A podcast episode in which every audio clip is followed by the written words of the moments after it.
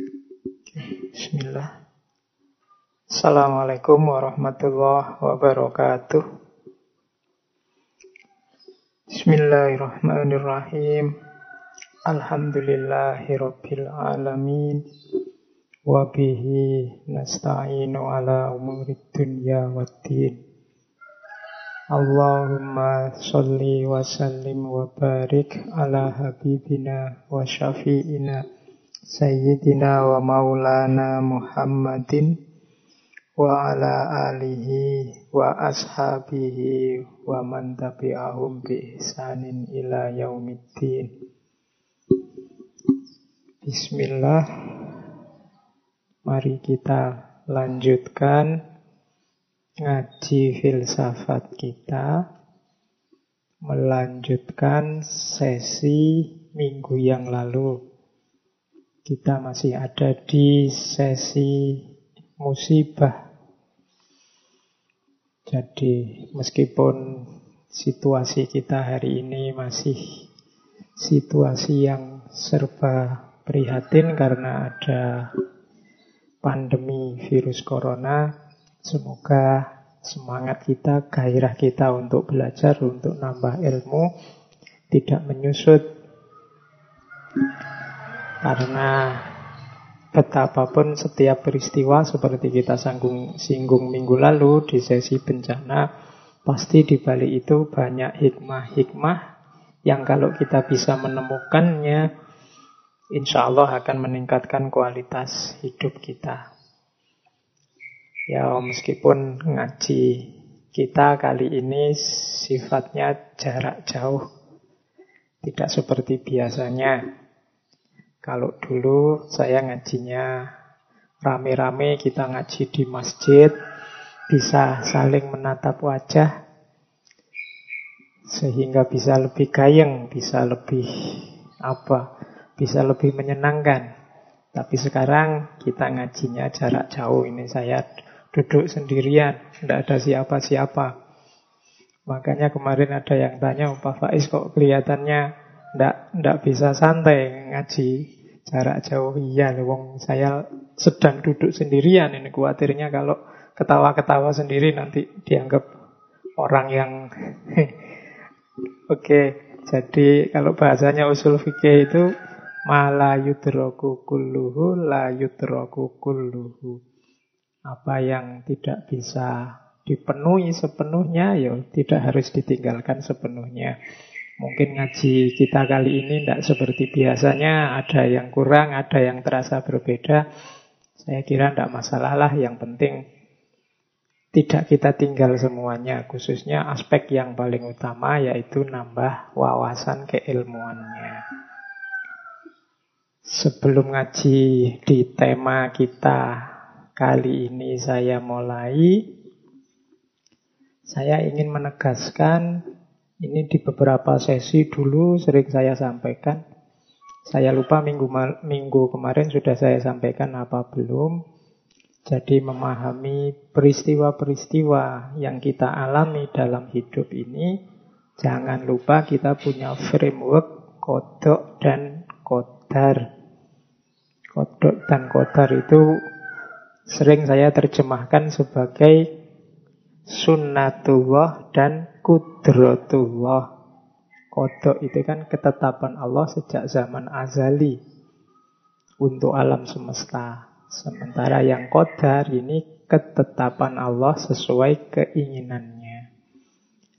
Jadi peristiwa apa pun yang kita hadapi itu jangan lupa ada unsur kodok, ada unsur kodar. Di aspek kodok ini, aspek kodok ini, aspek sunnatullah. Kalau teman-teman yang di kampus mungkin menyebutnya hukum alam. Ada mode-mode, ada pola-pola di alam semesta ini. Ini yang dipelajari oleh para ilmuwan.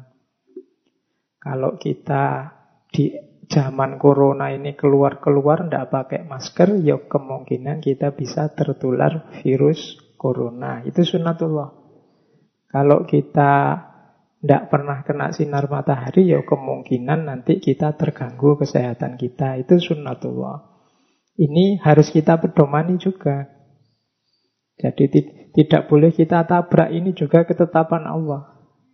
Tapi ada juga aspek kudratullah. Kudratullah itu ketika Allah dengan kodratnya, dengan kekuasaannya mengintervensi kehidupan kita.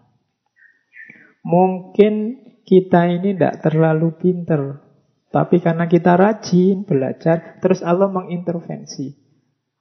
Harusnya kita nilainya jelek, tapi nilainya terus jadi bagus. Itu intervensi dari Allah. Meskipun secara kalkulasi rasional itu kita harusnya nilainya ya tetap jelek. Wong kita belajar serius juga tidak paham-paham.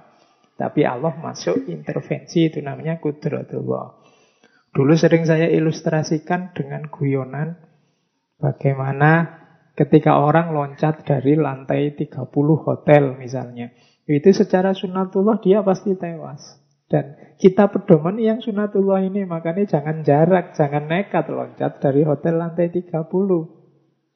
Tapi mungkin ada momen yang kita kepepet, mungkin tidak sengaja atau mungkin karena apalah terus kita tiba-tiba kepleset jatuh dari lantai 30. Itu satu-satunya harapan kita kan tinggal kudrotullah. Ketika Allah intervensi menyelamatkan kita. Mungkin ada kita kecantol di lantai 29 apa di bawah ternyata ada pas ada trailer yang bawa kasur tinggi sekali sehingga kita selamat dan macam-macam itu kudratullah.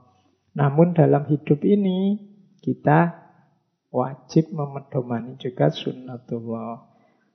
Termasuk menghadapi pandemi ini. Jangan tiba-tiba sudahlah ini takdirnya Allah dipasrahkan saja pada Allah saya keluar juga bebas-bebas saja. Kalau waktunya sakit, ya sakit. Nah, rumusnya tidak begitu. Pandangan itu tidak salah, tapi pandangan itu ada di kubu kudratullah.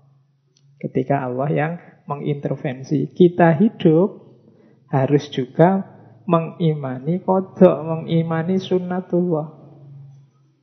Jadi tidak boleh sembrono. Kuliah belajar, ya kan? ingin dapat penghasilan, ya bekerja. Ini sunatullah. Bahwa nanti pekerjaanku ini loh, hanya seperti ini apa ya cukup. Yang penting kita kerja serius, nanti sambil berdoa, sehingga Allah ridho, kemudian rizki kita mencukupi. Jadi rumusnya kita menghadapi semua peristiwa ini ya di sunatullah dan juga kudratullah. Dua-duanya harus imbang. Sunnatullah saja mungkin membuat kita putus asa. Seperti kita sekarang kan kebingungan luar biasa ini mengatasi pandemi virus corona ini. Maka jangan lupa ada kudratullah. Kita masih bisa berdoa, kita masih bisa berharap pada kemurahan Allah. Jadi sebaliknya kalau kita kudrotullah saja, ini membuat kita sembrono, membuat kita tidak hati-hati, membuat kita tidak serius hidup. Semuanya dipasrahkan pada Allah. Jadi bukan salah, tapi tidak pas dosisnya. Kita butuh dosis yang mengandung kodok juga mengandung kodar. Kita harus memedomani sunatullah meskipun jangan lupa ada kudrotullah. Jangan putus asa. Oke, uh, langsung saja ya. Ini pengantar sebenarnya teori tadi sering saya sampaikan, cuma siapa tahu lupa. Karena kadang-kadang masih saya lihat di banyak kesempatan ada yang berpandangan sudahlah pasrahkan saja semuanya pada Allah. Ada yang begitu. Ada yang begitu ngototnya dengan program-program, dengan konsep-konsepnya seolah-olah kalau tanpa itu persoalan tidak selesai. Jadi kita sering tidak imbang, kita sering lupa bahwa ya ada sunatullah tapi juga ada kudratullah. Tapi jangan cucuk kudratullah karena kita wenang berusaha dengan memedomani sunatullah. Oke, masuk ke tema kita kali ini yaitu tentang sakit. Memaknai sakit. Minggu lalu kita membaca bencana. Ini mirip kelanjutannya minggu lalu. Minggu lalu kita dapat bencana, sekarang kita ngomong korbannya. Ini korbannya orang-orang yang sakit kena bencana. Bismillah ya, kita mulai. Apa itu sakit? Kemudian seperti minggu lalu lah kita jelajahi perspektif-perspektif tentang sakit. Kemudian hikmah-hikmahnya sakit, termasuk sedikit nanti masuk ke ranah agama. Jadi kita awali sekarang dari apa sih sakit itu? Saya mengambil konsep dari bahasa Inggris ya. Karena kalau di bahasa Indonesia kelihatannya variasinya kurang detail. Dalam bahasa Inggris, sakit itu kadang disebut disease, kadang disebut illness, kadang disebut sickness. Ini tiga istilah. Maksudnya beda. Dalam bahasa Inggris ini kadang-kadang kita tiga-tiganya kalau di bahasa Indonesia kan ya terjemahannya sakit. Tapi dari yang dimaksud istilah itu sebenarnya berbeda. Kalau disease ini hubungannya dengan tubuh itu sendiri yang sakit. Itu namanya disease. Kepala yang pusing itu disease. Gigi yang patah itu disease. Rambut yang rontok itu disease. Ini dokter itu biasanya pertama-tama yang dilihat ini, yang dicari ini akar Penyakit itu di disease. Apa yang terjadi dengan organ tubuh kita. Ini yang perlu disembuhkan. Namanya disease. Beda sama illness. Illness ini juga sakit. Tapi yang dilihat bukan apa yang terjadi dengan tubuh kita, tapi yang dilihat apa yang kita rasakan. Kalau yang disease tadi perlu disembuhkan, tapi yang illness ini harus dikontrol dan diatur. Mungkin rambut kita rontok, tapi rambut yang rontok ini bisa bagi orang tertentu biasa saja, bisa bagi orang tertentu bahaya ini. Gelisah dia. Nah itu itu illness. Jadi rambut yang rontok bagi saya itu biasa orang itu nggak rontok ya. Tapi kalau pas ada orang lain rambutnya rontok, kan ada yang panik luar biasa. Itu illness. Ada yang orang tertentu pusing sedikit itu biasalah. Tapi bagi orang yang lain pusing sedikit aja sudah panik. Itu illness. Bahkan ada orang yang tidak sakit tapi merasa sakit itu illness. Tubuhnya itu biasa-biasa. Tidak ada yang salah, tapi dia merasa sakit. Kalau dalam psikologi kan disebut psikosomatis itu. Jadi illness, ini ada bedanya. Ada bedanya antara disease sama illness. Illness ini rasa individu tentang sakit yang dialaminya. Ada yang ketiga, yaitu sickness. Kalau sickness ini kesepakatan sosial. Jadi konsep-konsep dalam kehidupan kita, dalam budaya masyarakat kita, apa yang disebut sakit, apa yang disebut tidak sakit. Nah, ini namanya sickness. Jadi kalau yang disease itu organ tubuhnya yang memang secara faktual dia sakit, misalnya kukunya copot, kulitnya mengelupas, itu disease. Kalau illness itu yang dirasakan. Kalau sickness ini yang kesepakatan-kesepakatan sosial budaya terhadap kondisi sakit. Kan ada masyarakat itu mungkin dulu zaman pengetahuan belum berkembang, mengalami apa, kata masyarakatnya, sudahlah itu bukan sakit kok, itu diganggu jin mana. Itu konsep sosial budaya. Jadi kesepakatan-kesepakatan. Kalau teman-teman mengikuti dulu waktu kita belajar sesinya Michel Foucault, dia bahkan punya teori ya waras tidak waras. Di tengah masyarakat itu juga kesepakatan. Mana yang disepakati sebagai waras, mana yang disepakati sebagai tidak waras. Normal dan tidak normal itu juga kesepakatan. Jadi sakit itu ternyata ada tiga kategori. Itu disease, apa illness, apa sickness. Mungkin disease-nya tidak kelihatan, illness-nya juga kita merasa biasa saja, tapi masyarakat menyebut itu sakit. Itu namanya sickness. Jadi tiga ini nanti beda di tengah masyarakat. Sickness itu misalnya apa ya? Masyarakat menyepakati perilaku tertentu sebagai sakit. Padahal kita sendiri nyaman-nyaman saja, enak-enak saja. Nah itu bedanya illness sama sickness. Mungkin juga disease-nya tidak kelihatan. Yang rusak apa tuh tidak tahu. Nah itu berarti ada beda antara disease, illness sama sickness.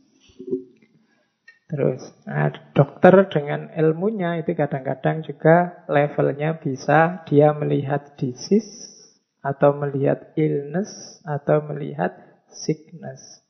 Melihat disease itu konsentrasi secara kuantitatif melihat apa tubuh yang apa organ tubuh kita atau mekanisme fungsi tubuh kita yang dianggap nyeleweng sesuai teori yang mereka pahami. Atau illness illness ini melacak apa yang kita rasakan. Atau sickness. Jadi disimpulkan sesuai konsep-konsep yang berkembang di masyarakat bahwa Oh ini sakit, ini tidak sakit, ini normal, ini tidak normal. Dari perspektif teorinya, nanti orang yang hanya melihat disease, pokoknya sakit itu ya dilihat dari gejala yang ada di tubuh. Penyelewangan apa yang ada di fisik kita. Kalau cara berpikir seperti ini namanya naturalisme. Ada yang kedua, yang kedua instrumentalisme. Instrumentalisme ini hanya melihat illnessnya, melihat rasa sakit yang dirasakan seseorang. Karena kadang-kadang seperti saya jelaskan tadi, ada orang ini harusnya sakit tapi tidak dianggap sakit, tidak dirasakan. Nah, itu yang semacam ini, yang melihat aspek ini namanya instrumentalisme. Ya contoh mudahnya, ya kalau teman-teman ada yang punya pacar ya kadang-kadang kalau guyon sama pacar itu kan dipukul lah, dicubit lah, dijambak lah. Nah, secara disis, naturalisme, dicubit itu ya sakit, dijambak itu ya rambut merontok ya sakit, dipukul-pukul ya sakit, ya nyeri. Tapi tidak kita rasakan. Kita kelola, kita sikapi sakit itu harusnya sebagai sakit, tapi kan terus kita kelola sebagai menyenangkan. Jadi ada ternyata yang secara disis harusnya sakit, secara illness tidak. Ada orang yang bahkan mungkin sakit berat, tapi daya pasrahnya, sikap mentalnya yang luar biasa, sakit yang seberat itu ternyata tidak dia rasakan berat. Itu kan secara illness dia canggih mengelola rasa sakitnya. Meskipun secara disease kalau dilihat yang terjadi ternyata ya harusnya dia sudah parah. Nah, itu bedanya naturalisme sama instrumentalisme. Ada yang ketiga, konstruktivisme. Kalau konstruktivisme ini melihat sakit itu ya sesuai yang disepakati. Misalnya dulu di awal-awal ciri-cirinya orang corona itu bla bla bla bla bla. Terus waktunya berkembang, ada gejala yang lain atau ada pengurangan gejala. Eh ternyata mengalami ini saja juga kemungkinan corona. Ini kan aspek sicknessnya, mana yang disepakati kesepakatan-kesepakatan bersama di antara kita. Ini yang kita sebut sakit, ini yang kita sebut sehat. Di teori konstruktivisme ini ada pandangan bahwa sebenarnya situasi sakit dan sehat itu disepakati bergantung pada perilaku dan situasi masyarakat. Masyarakat kita tidak suka rasa nyeri, maka nyeri disebut sakit. Mungkin masyarakat tidak suka melihat orang gemuk, tidak suka lihat orang mabuk, maka kegemukan atau orang yang suka minum disebut penyakit. Padahal mungkin di negara yang lain orang minum itu dianggap biasa agar asal tidak berlebihan. Nah, jadi itu namanya konstruktivisme. Sakit tidak sakit sesuai kesepakatan masyarakat. Kalau instrumentalisme, sakit tidak sakit, yang dilihat apa yang kita rasakan. Kalau naturalisme, sakit tidak sakit melihat aspek organ tubuh kita mana yang malfungsi, mana yang tidak berjalan semestinya. Ternyata sakit juga ada macam-macam pandangan. Kita lanjutkan. Insya Allah teman-teman yang saat ini mendengarkan ngaji, kalau saya boleh menebak, pasti semuanya pernah mengalami rasa sakit, pernah mengalami sakit. Bahkan kanjeng Nabi pun juga pernah mengalami sakit. Tidak masalah, sakit itu manusiawi, bukan aib. Sakit itu jadi aib ketika ada kesepakatan-kesepakatan masyarakat yang keliru. Mungkin di level konstruktivisme tadi. Jadi sakit itu nanti kita baca sampai belakang ya. Sejauh mana bahwa sakit itu kita selama ini menganggapnya musibah. Tapi siapa tahu itu anugerah. Ah, nanti di belakang ada konsep itu. Saya lanjutkan dulu ya untuk melihat sakit ini. Kita jelajahi dulu karena insya Allah semuanya pernah sakit. Sekarang kita baca fenomena sakit dalam diri kita. Yang pertama ada aspek internalnya rasa sakit. Ini yang mempengaruhi sakit, tapi ada dalam diri kita. Sakit itu ternyata bahaya tidak bahaya, gawat atau tidak gawat, aspek variabel yang menentukan banyak. Tidak cuma dari jenis penyakitnya. Macam-macam ternyata. Kita lihat variabel internalnya rasa sakit. Yang pertama jelas sifat penyakitnya. Ada yang akut, ada yang kronis, ada yang menular, ada yang bawaan, ada yang turunan, ada yang primer, ada yang sekunder, ada yang sudah terminal, macam-macam. Ini kalau teman-teman ingin tahu satu-satu apa saja yang dimaksud, ya belajar ilmu kesehatan. Apa bedanya akut sama kronis? Cirinya apa sih penyakit bawaan itu menular atau tidak? Ini turunan apa dapat dari pengalaman sehari-hari?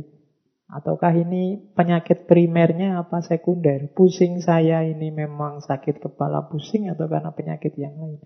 Atau sudah terminal apa belum ya sakit saya ini? Nah, itu itu menentukan sakit.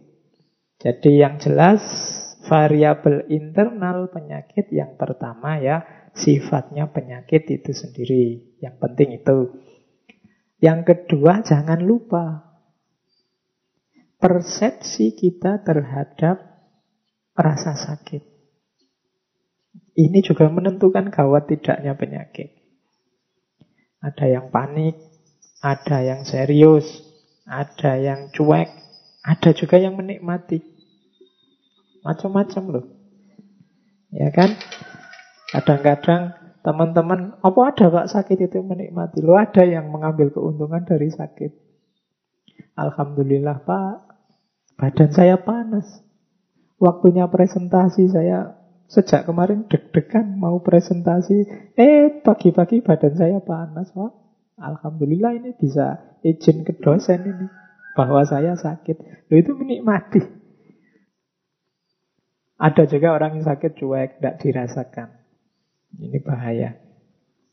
Ada yang panik. Padahal cuma perutnya mules sedikit, paniknya luar biasa. Ada yang seperti itu. Hari ini banyak orang yang karena akrab dengan apa akrab dengan gadgetnya, dengan laptopnya, dengan internetnya. Kita kan selama ini mengandalkan Google mencari informasi macam-macam. Kadang-kadang Google ini juga nambah panik kita. Misalnya, kok saya sakit kepala, sakit kepala, rasanya kok di bagian belakang kepala. Kan terus teman-teman nanti ke dokter mahal, saya cari dulu aja gejalanya lewat Google. Terus kita buka Google kita cari apa penyakit apa sih yang cirinya sakit kepala di bagian belakang. Wah kita lihat terus Google di sini horor semua. Oh, itu bisa stroke, bisa kanker otak, bisa wah kita tambah panik. Padahal itu mungkin ya sakit kepala biasa, mungkin kepala kita kurang oksigen atau apa. Tapi gara-gara Google ini terus kita jadi panik, kita mendokteri diri kita sendiri sehingga kita panik. Nah, ini juga penting ternyata persepsi kita terhadap gejala. Jadi sifat penyakit ya penting. Kita ini janjane ngalami penyakit apa toh. Kemudian yang kedua persepsi kita. Lah terus kalau sudah tahu ngalami itu tanggapanmu apa? Dan yang ketiga ya persepsi nanti ditentukan oleh karakter kita sendiri. Ada orang yang memang mudah panik, ada orang yang santai, ada orang yang serius, ada orang yang mungkin tidak terlalu peduli dengan apa yang dia rasakan, itu karakter. Ini nanti menentukan persepsi. Jadi sakit yang kita rasakan selain nanti ditentukan oleh penyakit ini sendiri juga ditentukan oleh persepsi kita. Kemarin mungkin teman-teman sempat dengar atau sempat baca berseliweran cerita saat pandemi corona ini terjadi terus banyak orang dalam tanda petik seolah-olah panik. Terus ada cerita tentang seorang wali wali Allah yang ketemu dengan makhluk yang namanya wabah ini.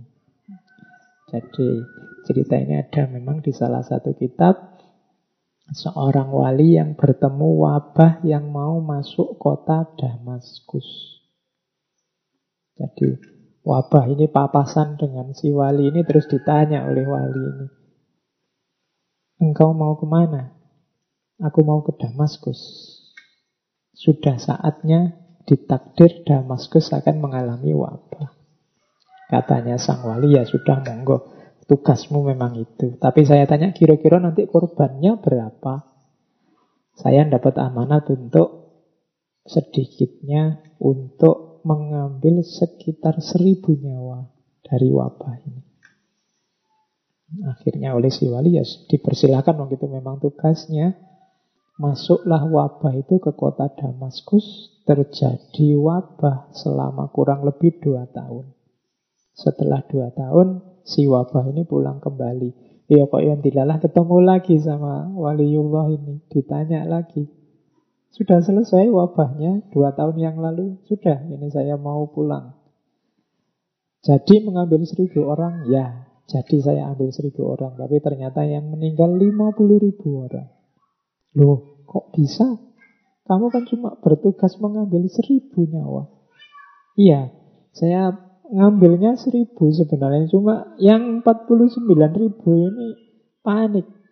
Yang 49 ribu ini bingung karena PDW. Terus jadi sakit. Jadi meninggal. Akhirnya ya 50 ribu. Ini cerita ini kita dengar kemarin ya. Banyak yang menceritakan versi ini. Itu maksudnya apa? Ternyata penyakit itu tidak hanya ditentukan oleh jenis penyakitnya sikap kita juga menentukan. Karakter kita terhadap penyakit juga menentukan. Makanya tetap sakit apa pun yang kita miliki, cara berpikirnya harus tetap optimis. Itu saya bawa quotes dari Hippo, Hippocrates yang dikenal dengan filosof Yunani yang concern dengan ranah kesehatan. Kapan-kapan kita gali ya gagasan-gagasan beliau. It's far more important to know what person the disease has than what disease the person has. Katanya Hippocrates, lebih penting untuk tahu what person the disease has. Orang seperti apa yang ditimpa oleh penyakit. Dibandingkan tahu penyakit apa yang menimpa seseorang. Ini seperti penjelasan tadi sebelumnya,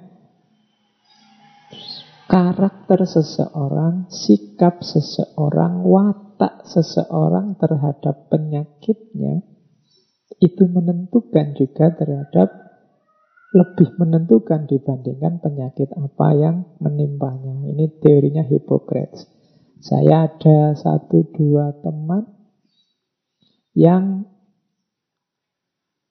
menurut saya beliau ini sakit.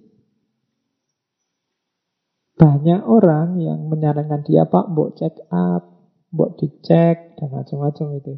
Tapi beliau ini punya pandangan bahwa saya takut mau ngecek-ngecek ini. Nanti kalau ketahuan bahwa darah saya tinggi, apa kolesterol saya tinggi, nanti saya drop. Jadi beliau ini takut kalau dia tahu bahwa ternyata dia memang banyak penyakit, terus malah drop, malah tidak bisa aktif, malah mikir penyakit. Akhirnya dia malah takut itu. Ya, ini mungkin ada salahnya di level tertentu juga ya ada benarnya. Jangan-jangan memang begitu. Sekarang berpikirnya masih positif, pokoknya aku sehat, terus masih bisa beraktivitas.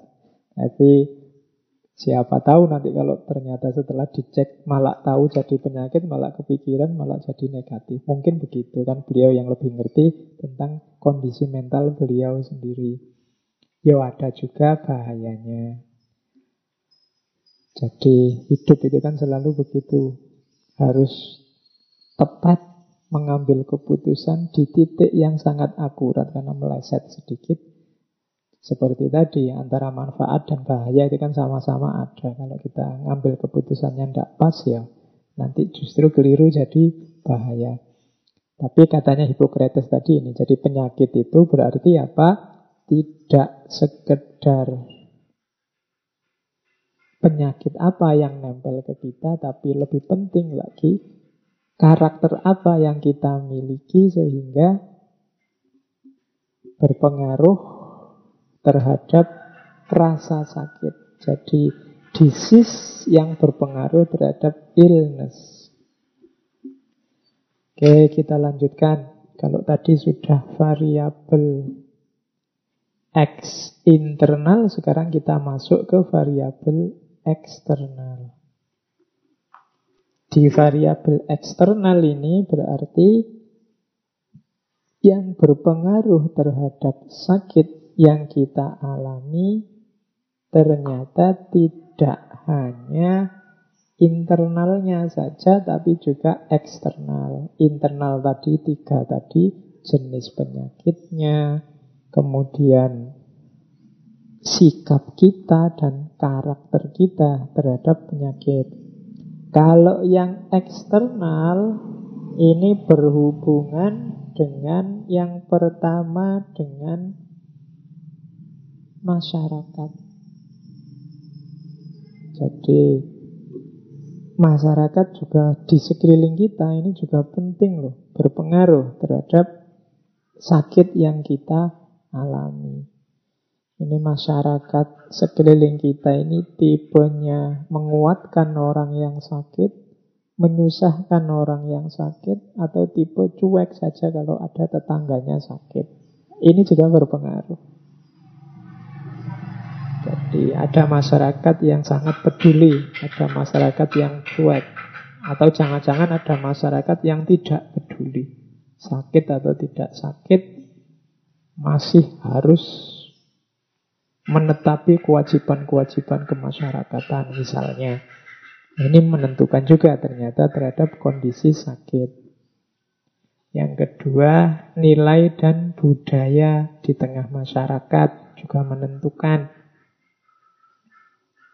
Ada zaman saya KKN dulu ada masyarakat yang kalau sakit tidak percaya dokter.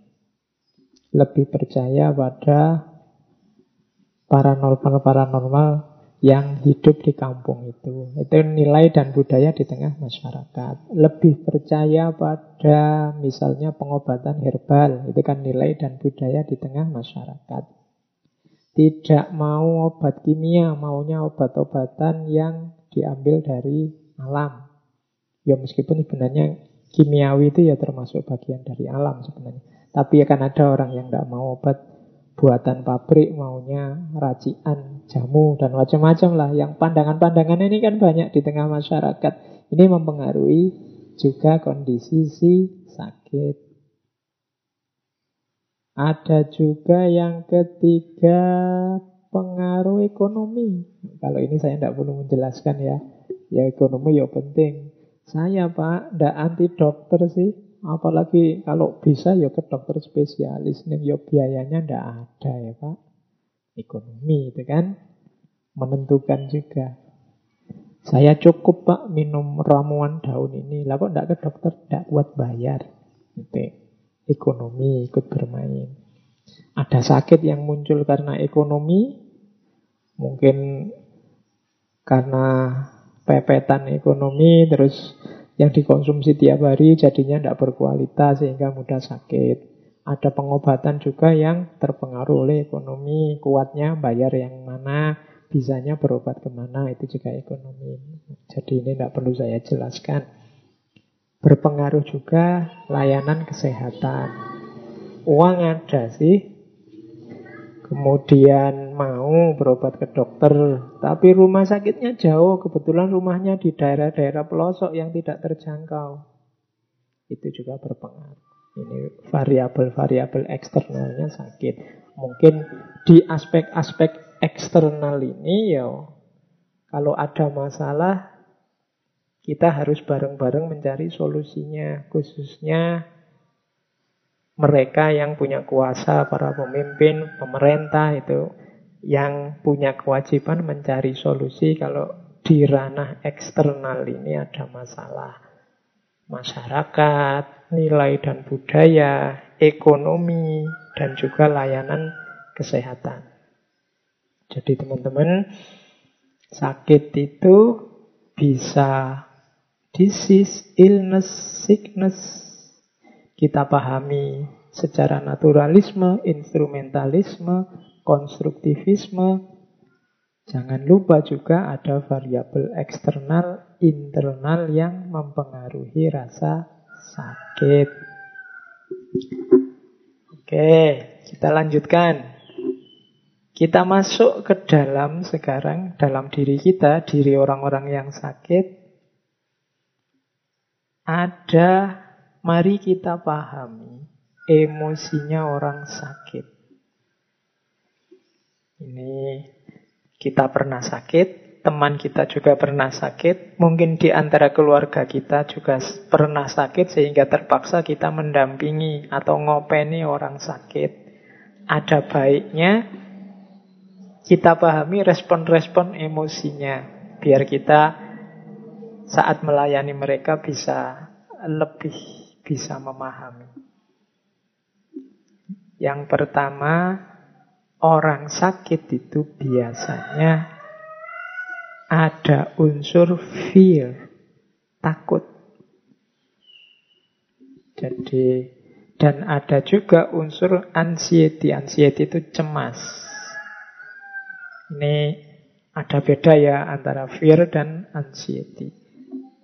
Fear itu takut, Anxiety itu cemas. Takut itu terhadap sesuatu yang nyata di depan kita. Itu takut. Kalau anxiety, cemas itu terhadap sesuatu yang mungkin terjadi di masa depan. Makanya ada penyakit yang namanya apa? Gejala kecemasan. Gejala kecemasan ini semacam psikosomatis. orang-orang yang cemas. Sakit cemas ini mungkin orang yang misalnya ya kita habis layat ada tetangga kita meninggal karena misalnya serangan jantung atau kena stroke.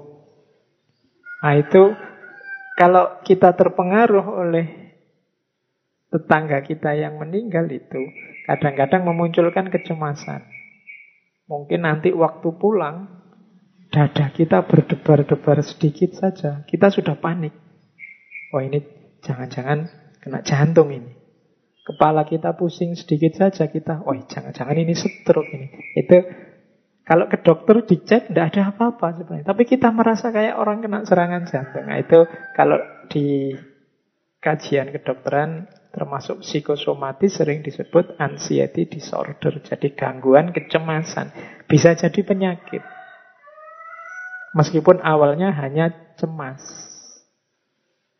Kadang-kadang ini tidak cuma karena tetangga meninggal, karena kita rajin baca-baca tentang kesehatan, ada apa sedikit di tubuh kita, kita takut. Kaki kita kesemutan sedikit saja, waduh, waduh, ini jangan-jangan gejala stroke ini kok kesemutan. Kemudian apalah dan seterusnya, itu, itu namanya anxiety. Cemas tentang apa yang terjadi yang akan datang. Kalau kita punya tetangga, punya teman sedang sakit, Jangan ditakut-takuti biar dia tidak cemas. Jadi fear itu kalau sakit tentang sesuatu yang nyata, spesifik. Mas, nanti sampean diinjeksi, rasanya agak sakit sedikit ya, karena itu kan jarum ditusukkan. Terus ya, aduh, takut saya dok, ah, itu takut. Jelas yang ditakuti apa, tentang apa. Kalau anxiety tadi tidak jelas biasanya terjadi jangan-jangan nanti ini, jangan-jangan nanti itu. Nah, itu kan tidak jelas. Kalau takut jarum tadi kan jelas. Itu bedanya fear sama anxiety. Aku kok muntah terus ya?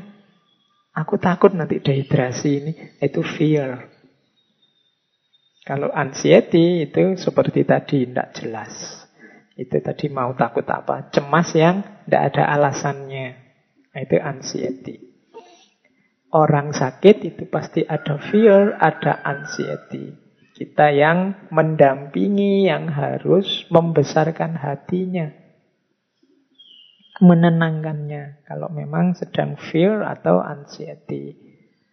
Kemudian yang ketiga, orang sakit ya karena banyak keterbatasan, kelemahan, biasanya over dependence. Kalau dependent pasti ya tergantung sama orang lain. Makan minta disuap, Kadang ke kamar mandi harus dituntun, ditemani, itu dependent. Ada kalanya sampai ke over dependent. Over dependent itu ketergantungan. Ya bahasa lugasnya jadi manja. Jadi apa-apa ingin dilayani, mentang-mentang sedang sakit. Nah ini dimaklumi karena itu respon emosinya orang sakit. Kita yang harus mengelola Kadang-kadang memang ingin dimanja, ya kita layani secukupnya. Jangan sampai nanti ketergantungannya jadi akut, jadi menyusahkan setelah dia nanti sembuh. Tapi selama dia sakit, ya memang harus dilayani. Jadi pokoknya kita yang sedang mendampingi saudara-saudara kita yang sedang sakit, ya memang dituntut kesabaran. Kadang-kadang juga ketegasan biar tidak over dependence serba ketergantungan. Kayak kita zaman sakit kecil dulu kadang-kadang kan kita ngerti kalau kita sakit itu apa-apa yang kita minta dituruti sama orang tua. Sehingga waktu sakit biasanya kita manjanya luar biasa. Kita minta semua yang waktu sehat kita inginkan dan kemungkinan tidak dituruti. Kita mintanya waktu sakit. Atau jangan-jangan kita pura-pura sakit. Biar dituruti kalau minta sesuatu. Nah itu harus hati-hati dengan respon emosi. Orang tua pasti ngerti lah cara membaca kita, bagaimana merespon kemanjaan kita waktu sakit. Itu over dependence. Ada juga respon emosinya orang sakit yaitu marah dan apa hostility, hostile itu benci. Orang sakit itu biasanya marah-marah karena dia merasa sedang lemah, merasa tak berdaya, merasa ada masalah, itu kadang-kadang ekspresi keluarnya marah. Nyambung sama bawahnya itu rewel. Ya, saya tidak tahu bahasa Inggris rewel itu apa ya, tak tulis rewel aja di situ. Marah dan rewel. Habis minta apa diberi, terus tidak mau, ganti minta yang lain lagi itu rewel. Ya, kita maklumi karena memang situasinya sedang sakit beliau. Marah itu harus kita mampu menampung kemarahan mereka karena mereka sedang merasa lemah, sedang merasa tak berdaya, sedang merasa tidak enak, sedang merasa kesakitan dan lain sebagainya. Kadang-kadang keluarnya dalam bentuk kemarahan dan juga kerewelan. Ada yang regresi. Regresi ini menarik diri. Apa menarik diri itu? Jadi tidak pede. Merasa dirinya tidak berguna. Merasa dirinya tidak penting lagi. Merasa dirinya sudah mau mati. Itu biasanya terus dia menarik diri. Diajak ngomong, tidak mau. Ada tamu ingin ketemu, dia tidak mau. Pokoknya regresi, dia ingin menarik diri, merasa dirinya tidak penting. Merasa dirinya tidak ada gunanya, itu regresi. Kitalah yang mendampingi mereka, yang membersamai mereka, harus sabar, kemudian menyingkirkan semua hal-hal negatif yang ada di pikiran mereka. Ya harus pelan-pelan, karena memang kondisinya sedang sakit. Jadi ini slide ini menurut saya penting untuk kita yang sedang sakit memahami diri maupun teman-teman yang kebetulan punya keluarga, punya tetangga, punya teman sedang sakit dan kita punya sedikit atau banyak tanggung jawab kewajiban untuk melayani mereka. Bagi yang sedang sakit mungkin jadi bahan refleksi bahwa dalam dirimu yang sakit kadang-kadang muncul emosi, ketakutan, muncul kecemasan, muncul kemanjaan, kerewelan, kemarahan. Ayo dimaklumi, syukur-syukur bisa diatasi sehingga tidak sangat menyusahkan orang yang melayani kita. Jadi ini pentingnya kita memahami emosi-emosi orang yang sedang sakit. Yang terakhir, kalau yang terakhir ini positif. Harapan. Ada orang sakit itu yang memang cara berpikirnya positif. Dia penuh harapan, insya Allah nanti sembuh. Kalau sudah sembuh, nanti bisa kembali seperti sedia kala. Tidak lama lagi pasti sembuh. Pasti ada obatnya. Ini harapan. Kalau orang yang si sakit ini sudah mampu mengembangkan cara berpikir positif, penuh harapan, kita yang mendampingi tinggal membantu, menguatkan, menghidupkan terus agar harapan ini tetap ada. Jadi inilah situasi emosional orang yang sedang sakit. Oke, seperti saya bilang tadi ya, sakit itu bukan aib. Tapi sakit itu sesuatu yang manusiawi yang menimpa kita sebagai manusia yang punya titik-titik lemah. Saya lanjutkan. Ada teori tentang proses adaptasi orang-orang yang mengalami musibah seperti sakit ini. Ini penting bagi kita yang sakit atau yang sedang mendampingi orang sakit. Serangan pertama, waktu kita dapat penyakit atau seseorang terkena penyakit, itu biasanya disikapi dengan denial. Denial itu penyangkalan. Nggak ah, nggak mungkin. Aku ini nggak sakit. Nggak mungkin sakit itu. Nggak mungkin sakit ini. Itu denial. Bukan aku. Ini kemarin di berita banyak ya orang yang disuspek sakit sudah terkena virus yang hari ini populer sekali itu, tapi ada denial. Jangan dimarahi orang-orang denial ini itu manusiawi orang yang di pukulan pertama dia menyangkal.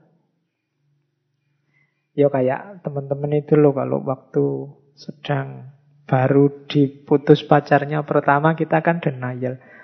Enggak lah, enggak mungkin, enggak seperti ini. Nah itu denial menolak. Ini aku mesti sedang mimpi, ya, itu denial. Apa salahku, apa dosaku? Denial, menyangkal. Manusiawi. Karena dapat ndak enak pertama itu kan biasanya kita tolak. Yes, mudahnya kalau teman-teman makan itu loh. Kalau tiba-tiba menelan barang pahit atau barang ndak enak itu kan biasanya refleks terus kita muntahkan. Itu denial.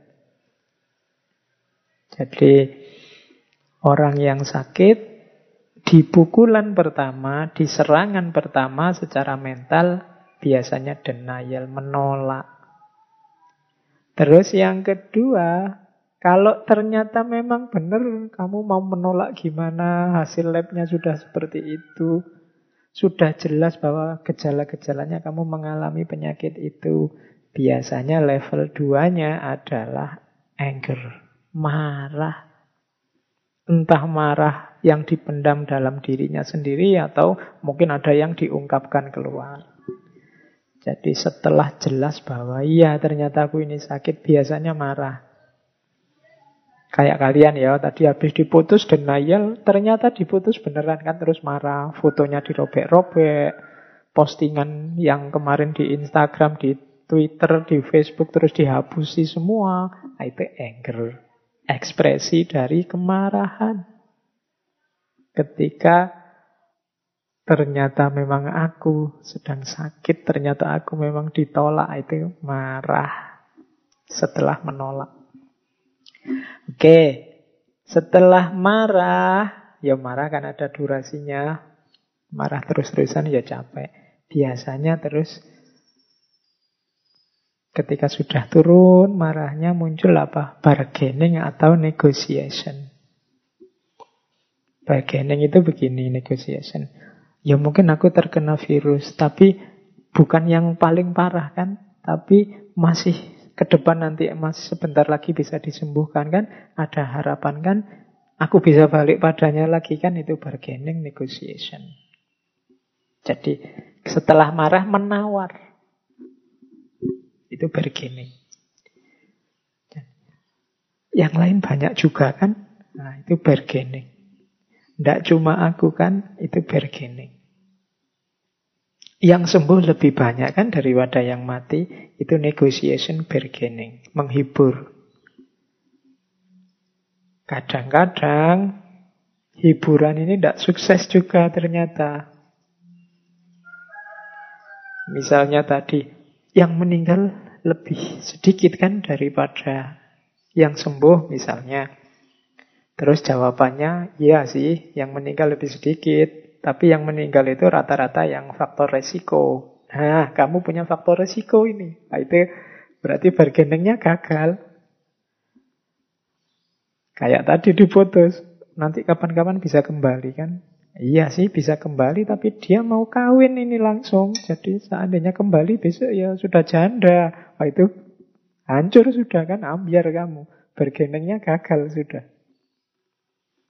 Ah, tadi marah, sudah turun melakukan bargaining, gagal, yang terjadi apa biasanya? Depression.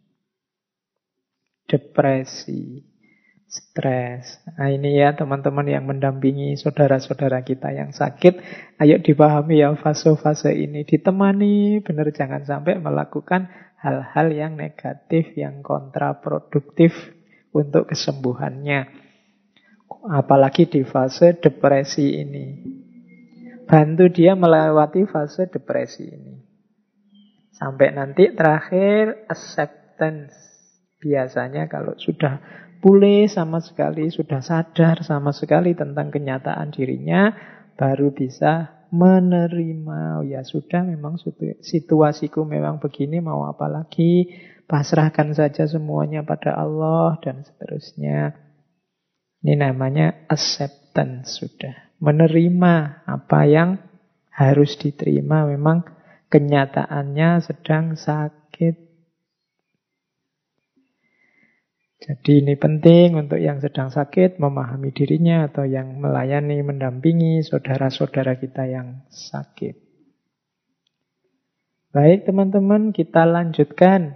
Saya kira tentang kondisi-kondisi yang berhubungan dengan sakit dan penyakit kita lewati. Yo, kalau ada yang mau sampai detail, ya monggo belajar ilmu-ilmu kesehatan, belajar ilmu-ilmu keperawatan dan lain-lain itu materi-materi yang saya sampaikan ini pasti lebih akrab di ranah itu. Kita masuk ke sekarang kajian filsafatnya. Anggap saja yang tadi pengantarnya. Meskipun menurut saya ya penting sebenarnya untuk situasi kita hari ini. Karena hari ini itu kan pandemi yang jenisnya penyakit. Pasti nanti yang kita hadapi adalah orang-orang yang terkena penyakit orang-orang sakit. Baik, sekarang kita masuk ke aspek ngaji filsafatnya, kita gali hikmah-hikmahnya sakit. Saya awali dari filsafat ya. Jangan lupa, tadi di depan saya bilang sakit itu jangan-jangan juga ada unsur anugerahnya ada unsur hikmahnya. Tidak cuma musibah, tidak semata-mata bencana. Kita lihat sekarang hubungan sakit dan filsafat. Mungkin ada di antara teman-teman yang sedang sakit. Ayo kita masuk ke filsafat dengan pengalaman sakit yang kita miliki. Jadi sakit ini ternyata bisa mendorong orang untuk berfilsafat. Nah ini unik ya. Jadi ternyata sakit ini bisa jadi salah satu kunci yang memicu kita berfilsafat. Di catatan saya paling tidak ada empat titik yang menguntungkan kita, membawa kita ke ranah filsafat saat kita sedang sakit. Yang pertama apa? Mari kita sadari saat kita sakit itu biasanya kita dipaksa untuk menerima bahwa manusia itu termasuk kita punya kelemahan-kelemahan, punya keterbatasan-keterbatasan. Nah, ini bisa membawa kita ke ranah refleksi filosofis, refleksi tentang diri kita sebagai manusia dan segala keterbatasannya. Ternyata manusia itu lemah, ternyata manusia itu terbatas. Aku yang selama ini merasa kuat, aku yang selama ini seolah-olah merajai dunia, merajai lingkungan sekelilingku, seolah-olah bisa mengatasi masalah apa saja, ternyata tidak.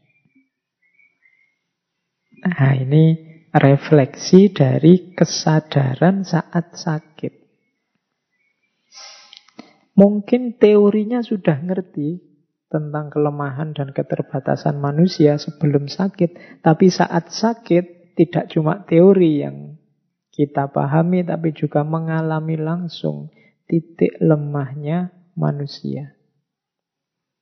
Seenak apa pun makanan, seluar biasa apa pun kekayaan, sedahsyat apa pun pasangan yang cantik, yang ganteng, ternyata waktu kita sakit tampak tidak ada nilainya, tidak bisa diandalkan untuk hidup kita. Oh ini membawa refleksi. Pengalaman langsung. Yang pertama itu. Sakit mendorong kita berfilsafat. Yang kedua, kondisi sakit selain dia memancing refleksi, ternyata juga merupakan tantangan untuk kita menaklukkan dan meluaskan. Tadi kan kita terbatas. Biasanya orang yang mau berpikir lebih jauh tidak sekedar menerima kelemahan dan keterbatasan, tapi itu dianggap sebagai tantangan untuk ditaklukkan. Iya ya, ternyata aku ini terbatas kalau hujan kena air terus flu, terus pilek. Nah ini tidak sekedar diterima, tapi kita bisa berefleksi lebih jauh gimana caranya menaklukkan situasi. Agar kita gimana caranya ya mensiasati agar aku kuat misalnya. Atau bikin apa sehingga kalau hujan aku tidak kena hujan bisa jalan-jalan keluar tapi tidak kena hujan waktu hujan. Nah, ini namanya penyakit, keterbatasan, kelemahan kita jadikan tantangan. Para dokter, para ahli mungkin sekarang sedang berusaha keras untuk mencari obat, vaksin juga untuk mengatasi virus corona ini. Ini karena mereka menganggap sakit tadi kelemahan dan keterbatasan manusia tadi sebagai tantangan yang harus ditaklukkan. Tidak sekedar diterima. Diterima ya, tapi terus dicarikan solusinya. Karena pasti ada pola, ada rumus, ada kategori-kategori itu yang tadi di awal saya sebut itu sebagai sejenis sunnatullah yang harus kita pahami, kita taklukkan.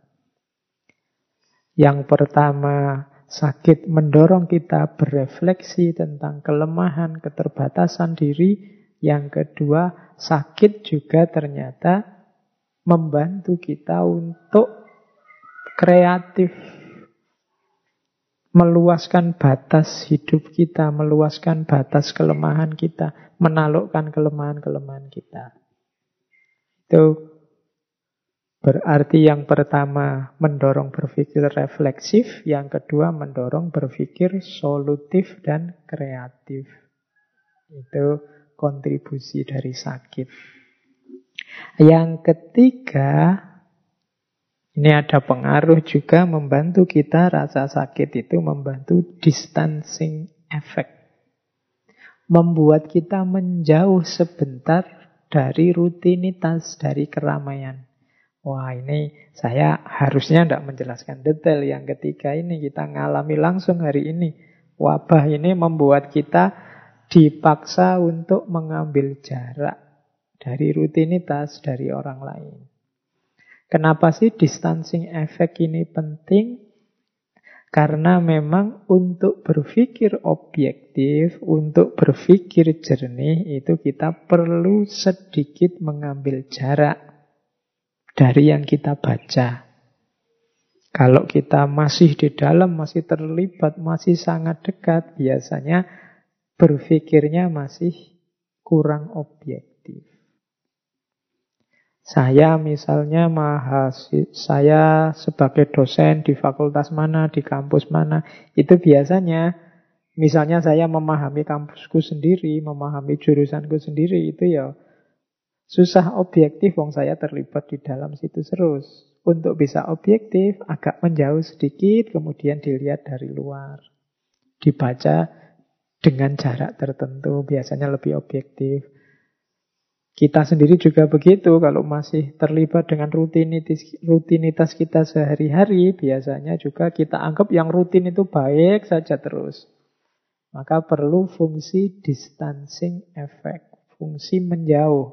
Nah, sakit ini memberi kita fasilitas itu. Jadi memberi kita fasilitas untuk berpikir jernih dengan cara menjauh sebentar. Jadi yang pertama sakit itu membuat kita berpikir reflektif, yang kedua membuat kita berpikir kreatif, yang ketiga membuat kita berpikir objektif.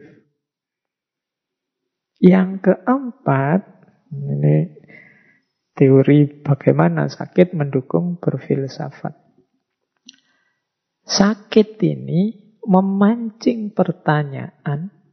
Biasanya kalau sedang sakit, kita kan banyak waktu longgar. Kita memikirkan diri kita, lingkungan sekeliling kita, kehidupan kita, dan macam-macam. Saat sakit, mungkin kita bertanya, mengapa sih aku ini hidup? Mengapa sampai detik ini Allah mengizinkanku masih hidup? Terus bagaimana besok aku menjalani hidupku? Nah ini pertanyaan-pertanyaan seperti ini itu biasanya muncul kalau kita sedang jauh dari keramaian. Biasanya muncul saat kita muhasabah. Dan sakit memberi fasilitas itu. Semua orang mesti menyuruh kita istirahat saja kalau sedang sakit. Tidak usah capek-capek. Semuanya dilayani, dikerjakan orang lain. Ini membuat kita kemudian banyak waktu untuk berpikir. Termasuk memikirkan kehidupan ini. Membuat kita berpikir, mengapa kok aku masih hidup? Apa yang sudah aku lakukan selama ini? Bagaimana selanjutnya aku hidup? Sudah pas apa belum sih hidupku selama ini dengan ideal-ideal yang aku yakini dan seterusnya. Nah ini sumbangan dari sakit. Maka di teori tentang hubungan sakit dan filsafat ternyata ada empat kontribusi dari situasi sakit terhadap aktivitas berfilsafat kita. Yang pertama, sakit membuat kita berpikir reflektif. Yang kedua, sakit membuat kita berpikir kreatif, produktif.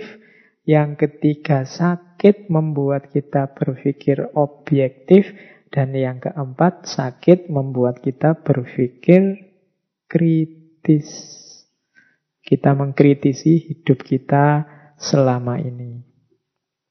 Jadi ternyata ada hubungan antara sakit dan filsafat. Ya meskipun begitu jangan kalau begitu saya milih sakit saja Pak daripada sehat. Nah itu yang namanya tidak bijaksana. Ya.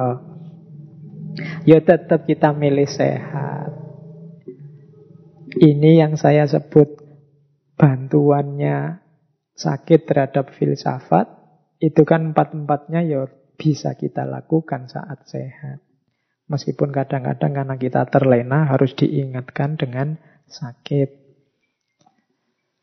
Oke, kita lanjutkan. Kita cari hikmah-hikmahnya filsafat. Sekarang kita geser ke ranah agama. Kita cari hikmah-hikmah dari peristiwa sakit ini yang berhubungan dari agama. Ada banyak cerita, ada banyak kisah tentang orang-orang agung, orang-orang mulia yang merespon rasa sakit ini secara sangat religius, sangat spiritual. Di banyak sesi ketika saya ngomong tokoh-tokoh, beberapa di antaranya saya selipkan.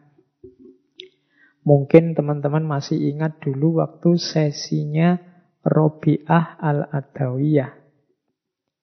Itu beliau ini menganggap ketika mengalami rasa sakit, sakit ini ditafsirkan, dimaknai oleh Robiah sebagai bukti cintanya Tuhan kepadanya. Jadi suatu ketika Robiah ini jalan, kemudian tersandung, terus tersungkur jatuh. Kakinya berdarah, dahinya berdarah. Tapi begitu jatuh, bangun, kemudian dia tersenyum dan bersyukur luar biasa kepada Allah. Nah, ada orang yang melihat peristiwa itu kemudian datang pada beliau. Loh, sampean ini gimana? Sampean ini kan sakit, tersandung, jatuh, berdarah-darah. Kok malah Alhamdulillah kemudian tersenyum? Jawabannya Robiah, iya. Ini adalah dari kekasihku. Ini adalah bukti cinta dari kekasihku. Itu penjelasannya dianalogikan dengan teman-teman tadi saya jelaskan ya. Kadang-kadang teman-teman yang punya pasangan atau pacaran atau mungkin sama suami atau istrinya itu kadang-kadang kan ada ada situasi ketika sedikit memukul, sedikit mencubit, sedikit menjewer. Lo itu kalau dibaca objektif ya jiwitan cubitan itu ya sakit, pukulan itu ya nyeri dirasakan, jeweran itu ya sakit. Tapi kan kita menanggapinya dengan bahagia, dengan senyum, dengan mesra. Kenapa? Karena kita tahu bahwa cubitan, pukulan, jeweran itu ekspresi dari sayangnya pasangan kita pada kita. Ekspresi manja dari pasangan kita pada kita. Nah, Robiah ini memaknai sakit yang dia alami, yang menimpa dirinya semacam itu. Sakit adalah bukti cinta Tuhan padaku. Bahwa Tuhan tidak cuek padaku. Karena bagi orang-orang yang saling mencintai, musibah yang luar biasa adalah ketika kekasih sudah tidak peduli lagi. Ketika seorang kekasih sudah cuek terhadap keberadaan orang yang dia cintai. Nah, Robiah begitu, jadi dapat sakit malah bersyukur. Alhamdulillah Allah tidak cuek padaku. Aku ya diingatkan, aku ya dijawil, aku ya kadang-kadang dicubit, kadang-kadang dijewer. Menunjukkan kekasihku perhatian padaku. Nah, ini versi sufi biasanya semacam ini. Cara memahami rasa sakit. Dulu saya lupa di sesi apa, kan juga ada cerita ketika seorang sufi naik perahu bersama banyak temannya tiba-tiba ada badai. Semua orang takut, semua orang pontang-panting ke sana kemari untuk gimana caranya biar bisa selamat dari badai. Kecuali si Sufi ini. Sang Sufi ini malah duduk tenang sambil senyum. Melihat orang lalu lalang di depannya. Terus ada orang protes, sampean ini gimana sih? Ini loh ada bahaya ini, kita semua mau tewas ini. Sampean kok malah diem saja duduk sambil senyum-senyum. Si Sufi ini terus bilang, loh aku harus gimana lagi? Ini pemberian kekasihku. Ini anugerah dari kekasihku. Insya Allah dia hanya menghendaki kebaikan untukku. Nah ini level-levelnya sufi. Mungkin kalau kita agak berat ya nyampe makom ini. Tapi ini untuk referensi kita saja. Siapa tahu nanti dalam hidup kita, kita sampai pada titik yang secara sunnatullah agak sulit kita berharap. Karena sakit atau musibah yang kita alami. Tapi jangan lupa kita masih punya kudratullah.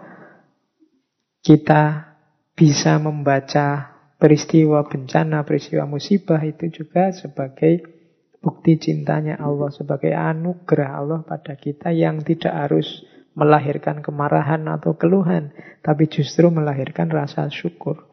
Karena semuanya kita posisikan sebagai bukti dari kepedulian Allah, sebagai bukti dari cinta Allah kepada manusia. Ini juga saya bawa salah satu perspektif tentang sakit ini dari kitab Al-Mawa'id Al-Usfuriyah ini yang banyak dikaji di pesantren-pesantren.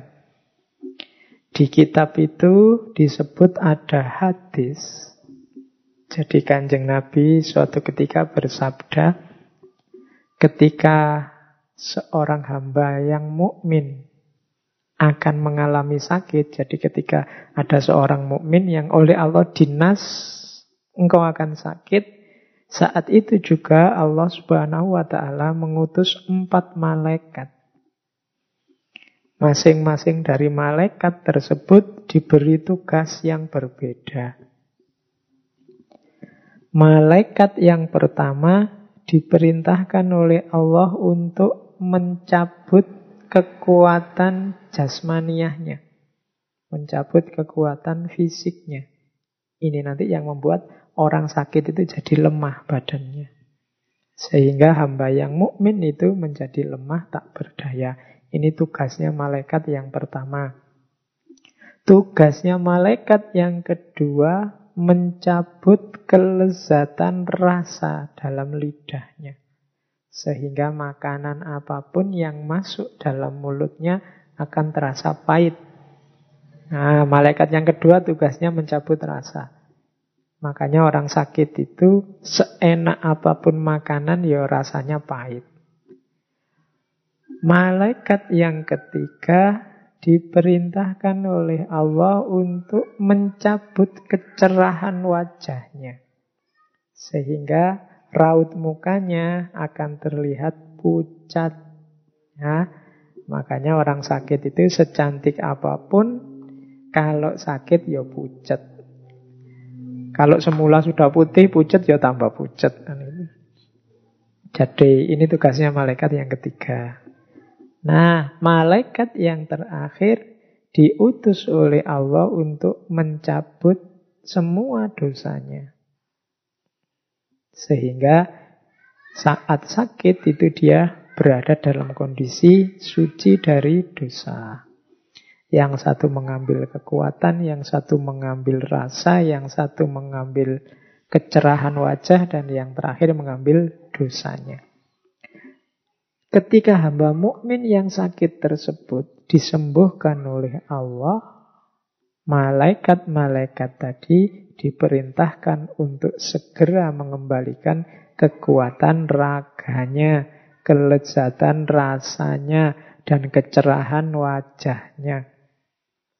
Kalau sudah dinas diputuskan oleh Allah untuk sembuh, maka tiga malaikat disuruh mengembalikan yang sudah diambil. Yang tadi mengambil kelemahan fisiknya harus mengembalikan lagi biar dia kuat lagi. Yang tadi mengambil kelezatan rasa harus mengembalikan lagi biar bisa merasakan makanan lagi. Yang tadi mengambil kecerahan wajah mengembalikan lagi sehingga tidak pucat lagi. Sementara untuk malaikat yang mengambil dosa tidak diperintahkan oleh Allah untuk mengembalikannya. Kecuali yang tadi sudah mengambil dosa. Tidak dibalik gini. Nah, malaikat yang keempat ini kemudian bersujud dan memberanikan diri untuk bertanya kepada Allah. Ya Allah, mengapa engkau tidak perintahkan aku untuk mengembalikan dosa-dosa ini kepada hambamu? Ini malaikat yang keempat heran, terus tanya, lu kok dosanya tidak dikembalikan? Kan fasilitas-fasilitas yang lain dikembalikan.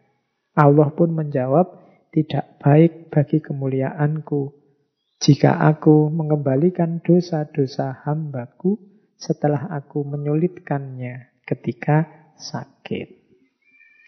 Ini untuk membesarkan hati kita, untuk kita tahu bahwa jangan takut, sakit adalah penggugur dosa.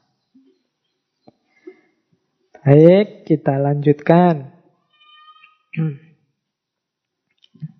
Dari banyak referensi, ini saya rangkum saja tentang hikmahnya orang sakit dari aspek spiritualitas religiositas. Jadi, jangan marah, jangan kecewa, jangan merasa tak berharga saat kita sakit karena kita sedang diberi fasilitas yang luar biasa oleh Allah dengan rasa sakit itu.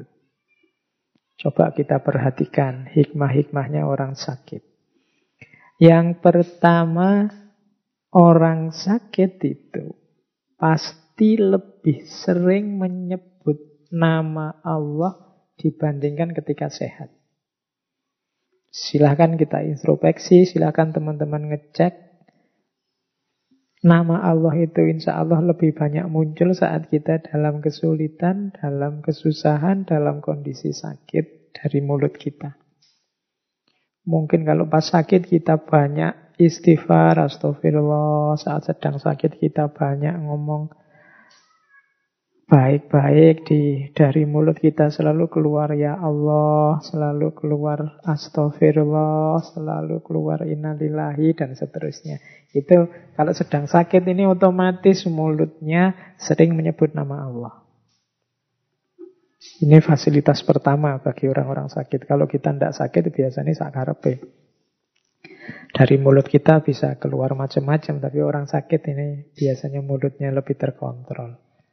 Yang kedua, orang sakit itu dosa-dosanya lebih mudah dia ingat.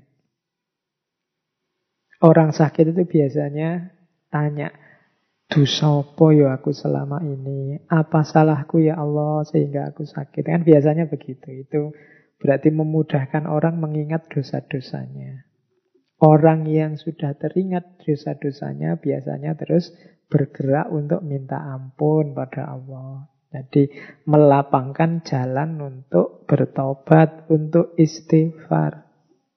Oh itu berarti apa? Sakit adalah memfasilitasi itu, memudahkan kita mengingat dosa-dosa. Kemudian yang ketiga, ini tadi di depan sudah dijelaskan panjang lebar bagaimana rasa sakit itu membuat kita punya banyak waktu untuk muhasabah menilai diri, mengkalkulasi diri, menghitung diri. Untungnya apa sih Pak orang yang banyak muhasabah itu, orang yang banyak muhasabah, untungnya dia bisa semakin baik, semakin baik, dan semakin baik dalam hidupnya. Karena manusia itu selalu ada kurangnya, selalu ada salahnya, selalu ada tidak sempurnanya, tapi tidak semua orang sadar mana yang salah, mana yang tidak sempurna, mana yang kurang. Dan itu bisa ditemukan lewat muhasabah, introspeksi diri. Orang yang tidak pernah introspeksi, ya tidak akan bisa maju. Dan sakit memfasilitasi kita untuk banyak muhasabah. Yang keempat, Sakit ini posisinya seperti jihad. Jadi kita dituntut untuk tidak menyerah, kita dituntut untuk berikhtiar, kita dituntut untuk berjuang melawan penyakit demi kesembuhan. Jadi ini nilainya jihad. Bayangkan Allah memberi kita fasilitas sebagai seorang mujahid saat kita sedang sakit.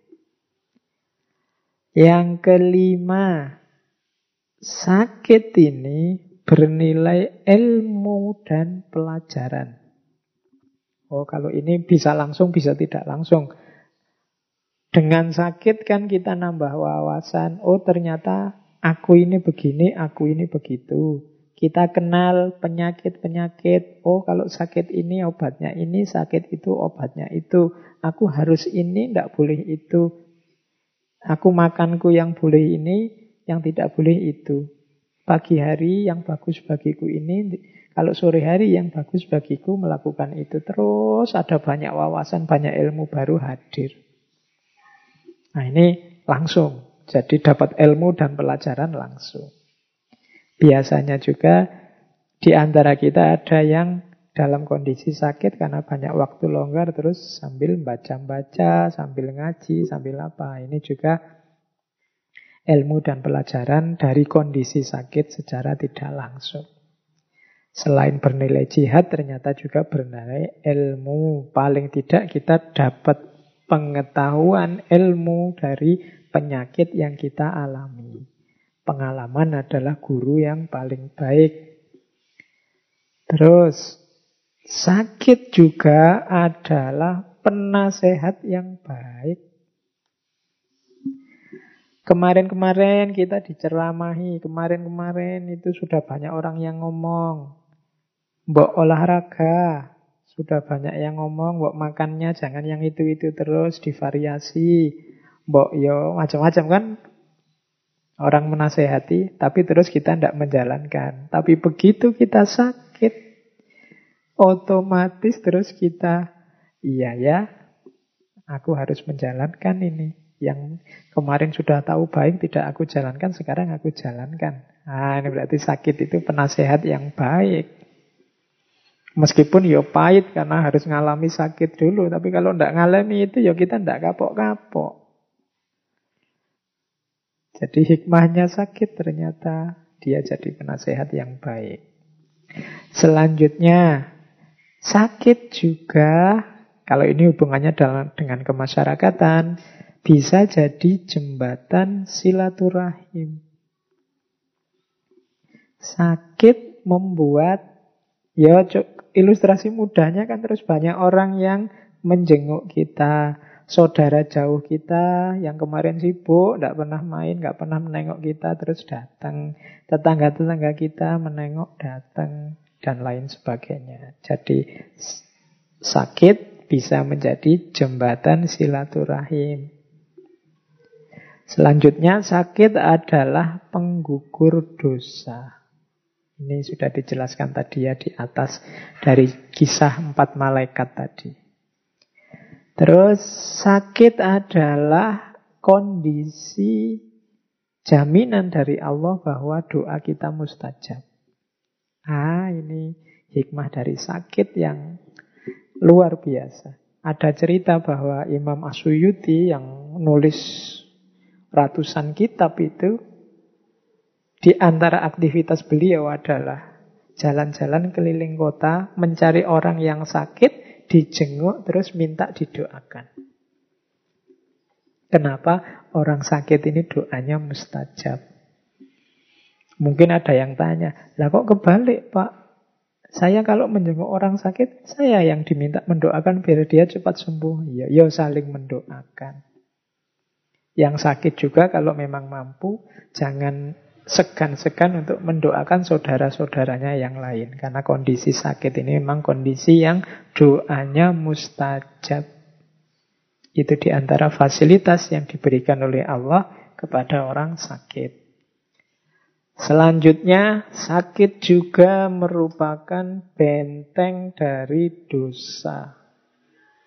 Kalau ini penjelasannya simpel. Sakit itu kita dalam kondisi lemah. Sakit itu kita dalam kondisi tidak berdaya. Mau melakukan dosa, ya tidak ada dayanya, tidak ada tenaganya. Mau pegang HP terus kayak hari ini, tidak kuat, tidak bisa, pusing. Mau misuh-misuh menyakiti hati orang lain, ya tidak kuat, wong ya lemah. Makanya di antara hikmahnya sakit itu antara lain kita terbentengi dari dosa. Otomatis terhalang dari dosa. Itu yang membuat para sufi tadi di antara rahasianya. Sufi itu dapat sakit kok malah bersyukur. Iya karena hikmahnya luar biasa banyak. Terus sakit juga bagi yang masih memungkinkan untuk beribadah biasanya Orang yang sedang sakit itu ibadahnya lebih mantap. Karena dia lebih dekat dengan Allah. Lebih sadar tentang hakikat dirinya. Nah, ini otomatis sudah. Maka sakit meningkatkan kualitas ibadah. Sakit juga otomatis memperbaiki akhlak. Orang sakit susah sombong ala wong yo sakit penyakit aja. Nah, itu kan susah mau mau merasa besar susah, mau tamak juga ndak kuat, mau ndak tawadu itu ndak santun itu ndak bisa, memang dirinya lemah. Maki-maki itu ndak kuat. Berarti apa? Lo akhlaknya ini otomatis tertata, otomatis baik. Dan yang terakhir, kalau ini pasti sakit membuat kita mengingat kematian. Ingat pada kematian itu manfaatnya besar dan banyak dalam hidup kita untuk tidak membuat kita lupa diri.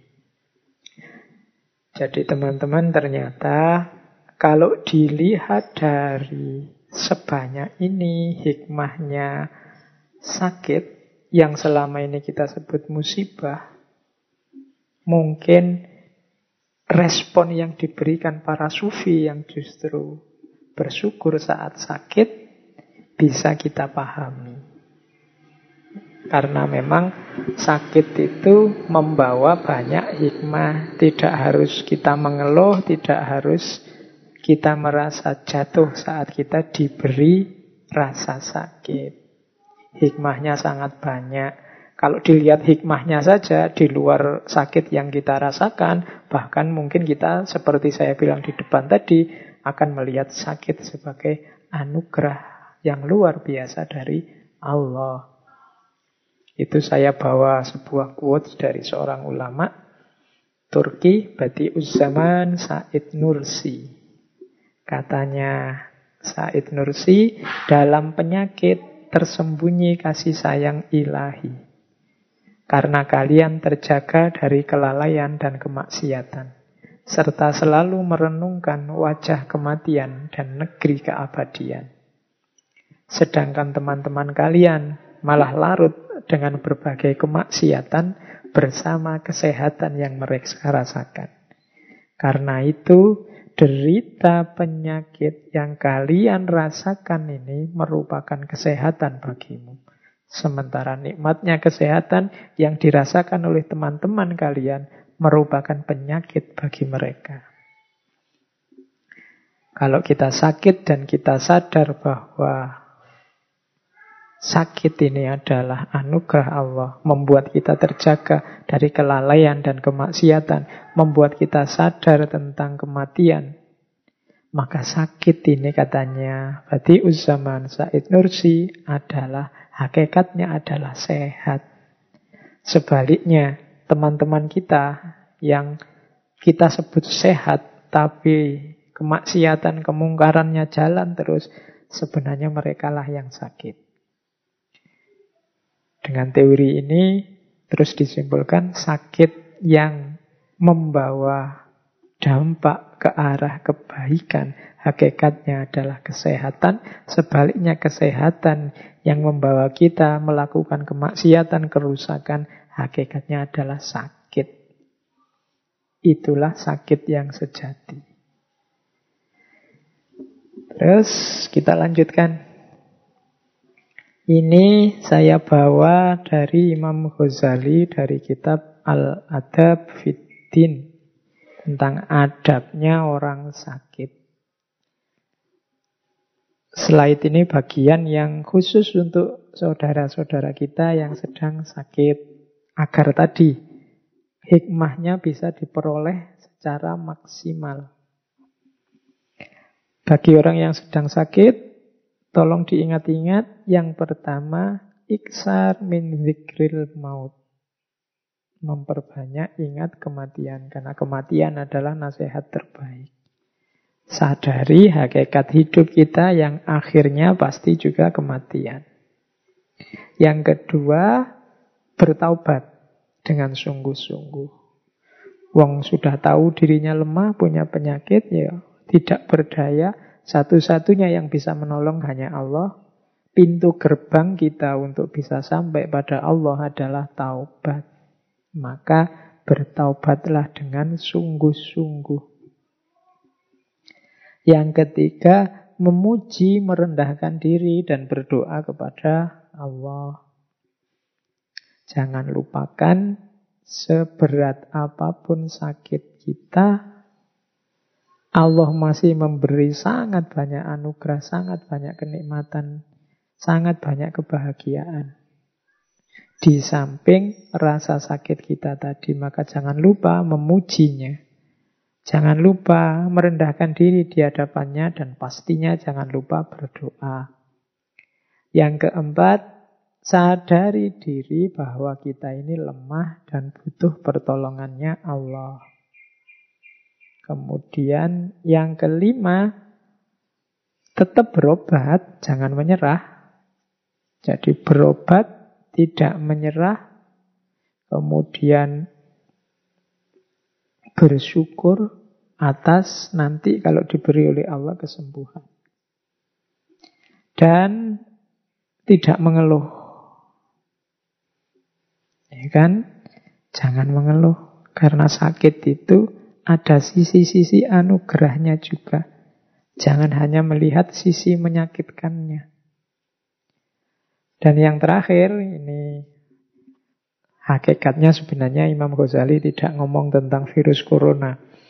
Tapi adab yang terakhir ini agak nyambung dengan virus corona. Jangan berjabat tangan dengan orang lain. Ini maksudnya hati-hati kita sedang sakit, siapa tahu menular.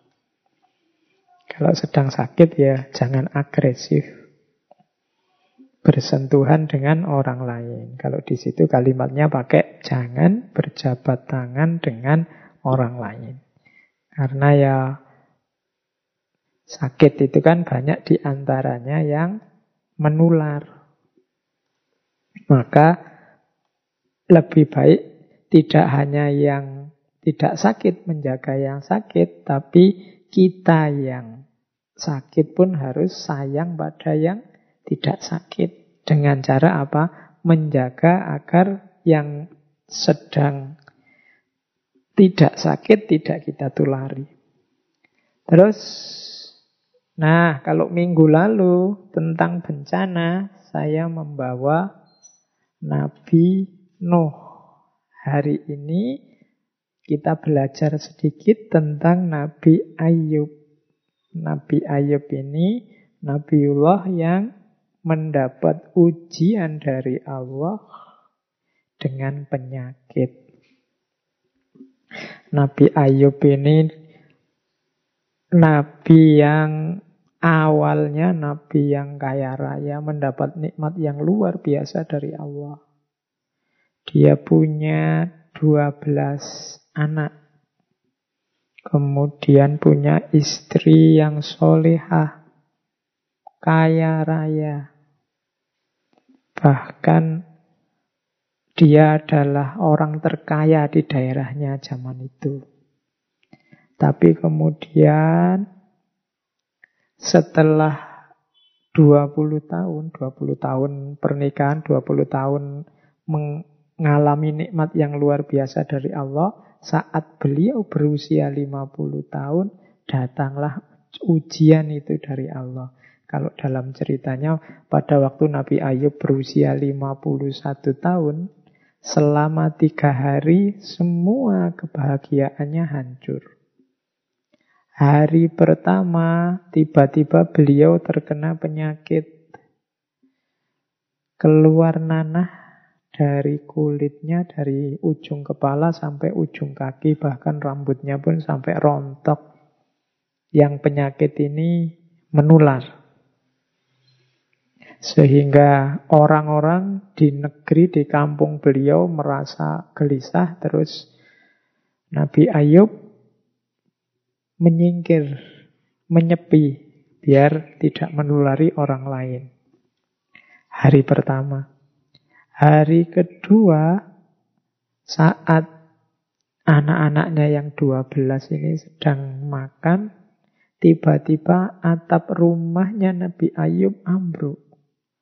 Sehingga menimpa mereka semua dan semuanya meninggal. Punya 12 orang putra, meninggal semua. Sekaligus. Bayangkan ujian Allah pada beliau. Hari ketiga datang hama, datang badai sehingga semua perkebunan, semua kekayaan Nabi Ayub habis. Dari orang paling kaya, paling bahagia, dalam tiga hari semuanya berbalik 180 derajat. Nah, Nabi Ayub mengalami kesengsaraan ini dalam ceritanya selama kurang lebih 18 tahun. Tapi Nabi Ayub sabar. Bahkan sampai satu ketika istrinya tanya, Istrinya orang soleh dan sangat sabar. Cuma satu ketika beliau tanya, wahai Nabi Allah, engkau ini sudah 18 tahun loh, sudah tidak melakukan dakwah. Cobalah engkau berdoa pada Allah agar penyakitmu sembuh. Itu saja. Nanti kalau sudah sembuh kan kamu bisa dakwah lagi. Nabi Ayub tanya pada istrinya, wahai istriku, Berapa lama kita mengalami kenikmatan? Istrinya Nabi Ayub menjawab, ya kurang lebih 20 tahunan lah. Oke, sekarang berapa lama kita diuji oleh Allah seperti ini? Istrinya menjawab, ya sekitar 18 tahun. Makanya itu aku masih malu meminta pada Allah. Padahal selisihnya cuma 2 tahun. Tapi beliau malu, kita sudah 20 tahun lebih berbahagia. Jadi ini meskipun sudah 18 tahun, aku masih merasa malu. Nah, kabarnya nanti setelah 20 tahun baru Nabi Ayub berdoa, Wahai Allah, Sesungguhnya aku ini sedang ditimpa penyakit dan engkaulah zat yang maha penyayang. Itu kalimatnya kan begitu. Tidak kalimat menuntut ya Allah, wajib sembuhkanlah aku. Enggak. Aku ini sedang ditimpa penyakit ya Allah dan aku tahu engkau maha penyayang. Akhirnya beliau sembuh. Dan kabarnya nanti kekayaannya setelah beliau sembuh itu kembali lagi dua kali lipat putra-putranya punya anak lagi nanti kabarnya kalau semula punya anak 12 nantinya beliau punya anak sampai 24. Jadi dua kali lipat, dua kali lipat yang semula hilang. Oke. Nah, dari kisah Nabi Ayub ini di catatan saya ada beberapa hikmah. Yang pertama untuk kita tidak dikuasai oleh kepemilikan duniawi. Kaya oke, okay, punya anak, punya istri solihah oke, okay, tapi tidak terikat, tidak dikuasai, tidak tergantung. Sehingga kalau yang punya, yang sejati tiba-tiba mengambilnya, ya kita tidak panik. Yang kedua, dari kisahnya Nabi Ayub tadi, kita mengingat bahwa selama ini kuantitas dan kualitas nikmat dan kebahagiaan yang diberikan oleh Allah sudah luar biasa dalam hidup kita. Kalau mau dikalkulasi, sebagian besar kita pasti tahun-tahun yang kita bahagia penuh nikmat dengan waktu yang kita diuji dengan sakit, itu mungkin tidak ada 10 persennya. Rasa sakit itu, pengalaman sakit itu dalam hidup kita. Jadi ayo kita ingat ini terus. Sebagaimana tadi Nabi Ayub waktu disuruh minta sembuh dia tanya berapa tahun kita dulu bahagia. Nah kalau kita ingat nikmat dan kebahagiaan tadi setidaknya kita akan melakukan tiga hal. Yang pertama tidak berhenti bersyukur. Yang kedua malu untuk mengeluh. Dan yang ketiga, kuat untuk bersabar. Nah, jadi untuk membuat kita senantiasa bersyukur, membuat kita tidak mudah mengeluh, dan membuat kita kuat untuk sabar, maka di antara tips yang diberikan melalui kisahnya Nabi Ayub adalah jangan lupakan kuantitas dan kualitas nikmat serta kebahagiaan yang selama ini sudah diberikan oleh Allah. Yang ketiga, yakinlah atas hadirnya pertolongan Allah. Kenapa sih Nabi Ayub bisa sekuat itu? Karena pasti beliau yakin semuanya merupakan skenario terbaik dari Allah dan pasti Allah akan menolong hambanya. Ini yang menguatkan Nabi Ayub. Dan yang terakhir, ini mungkin diskusinya harus panjang. Yang terakhir ini perlunya pendamping yang baik dan setia. Ya, kita butuh pendamping yang baik. Sebagaimana Nabi Ayub yang dengan setia didampingi oleh istrinya. Ini membantu untuk menguatkan kita. Jadi itu hikmah-hikmah di balik kisahnya Nabi Ayub. Teman-teman, materi utamanya saya kira sudah ya. Ada waktu sedikit saya membawa beberapa quotes. Yang pertama, sengaja saya bawa ini teman-teman sering dengar quotes ini tentang sakit dan sehat. Mensana incorpore sano. Banyak yang tidak suka dengan pepatah ini, dengan peribahasa ini. Karena kita mengartikan mensana incorpore sano itu sebagai dalam tubuh yang sehat terhadap terdapat jiwa yang sehat.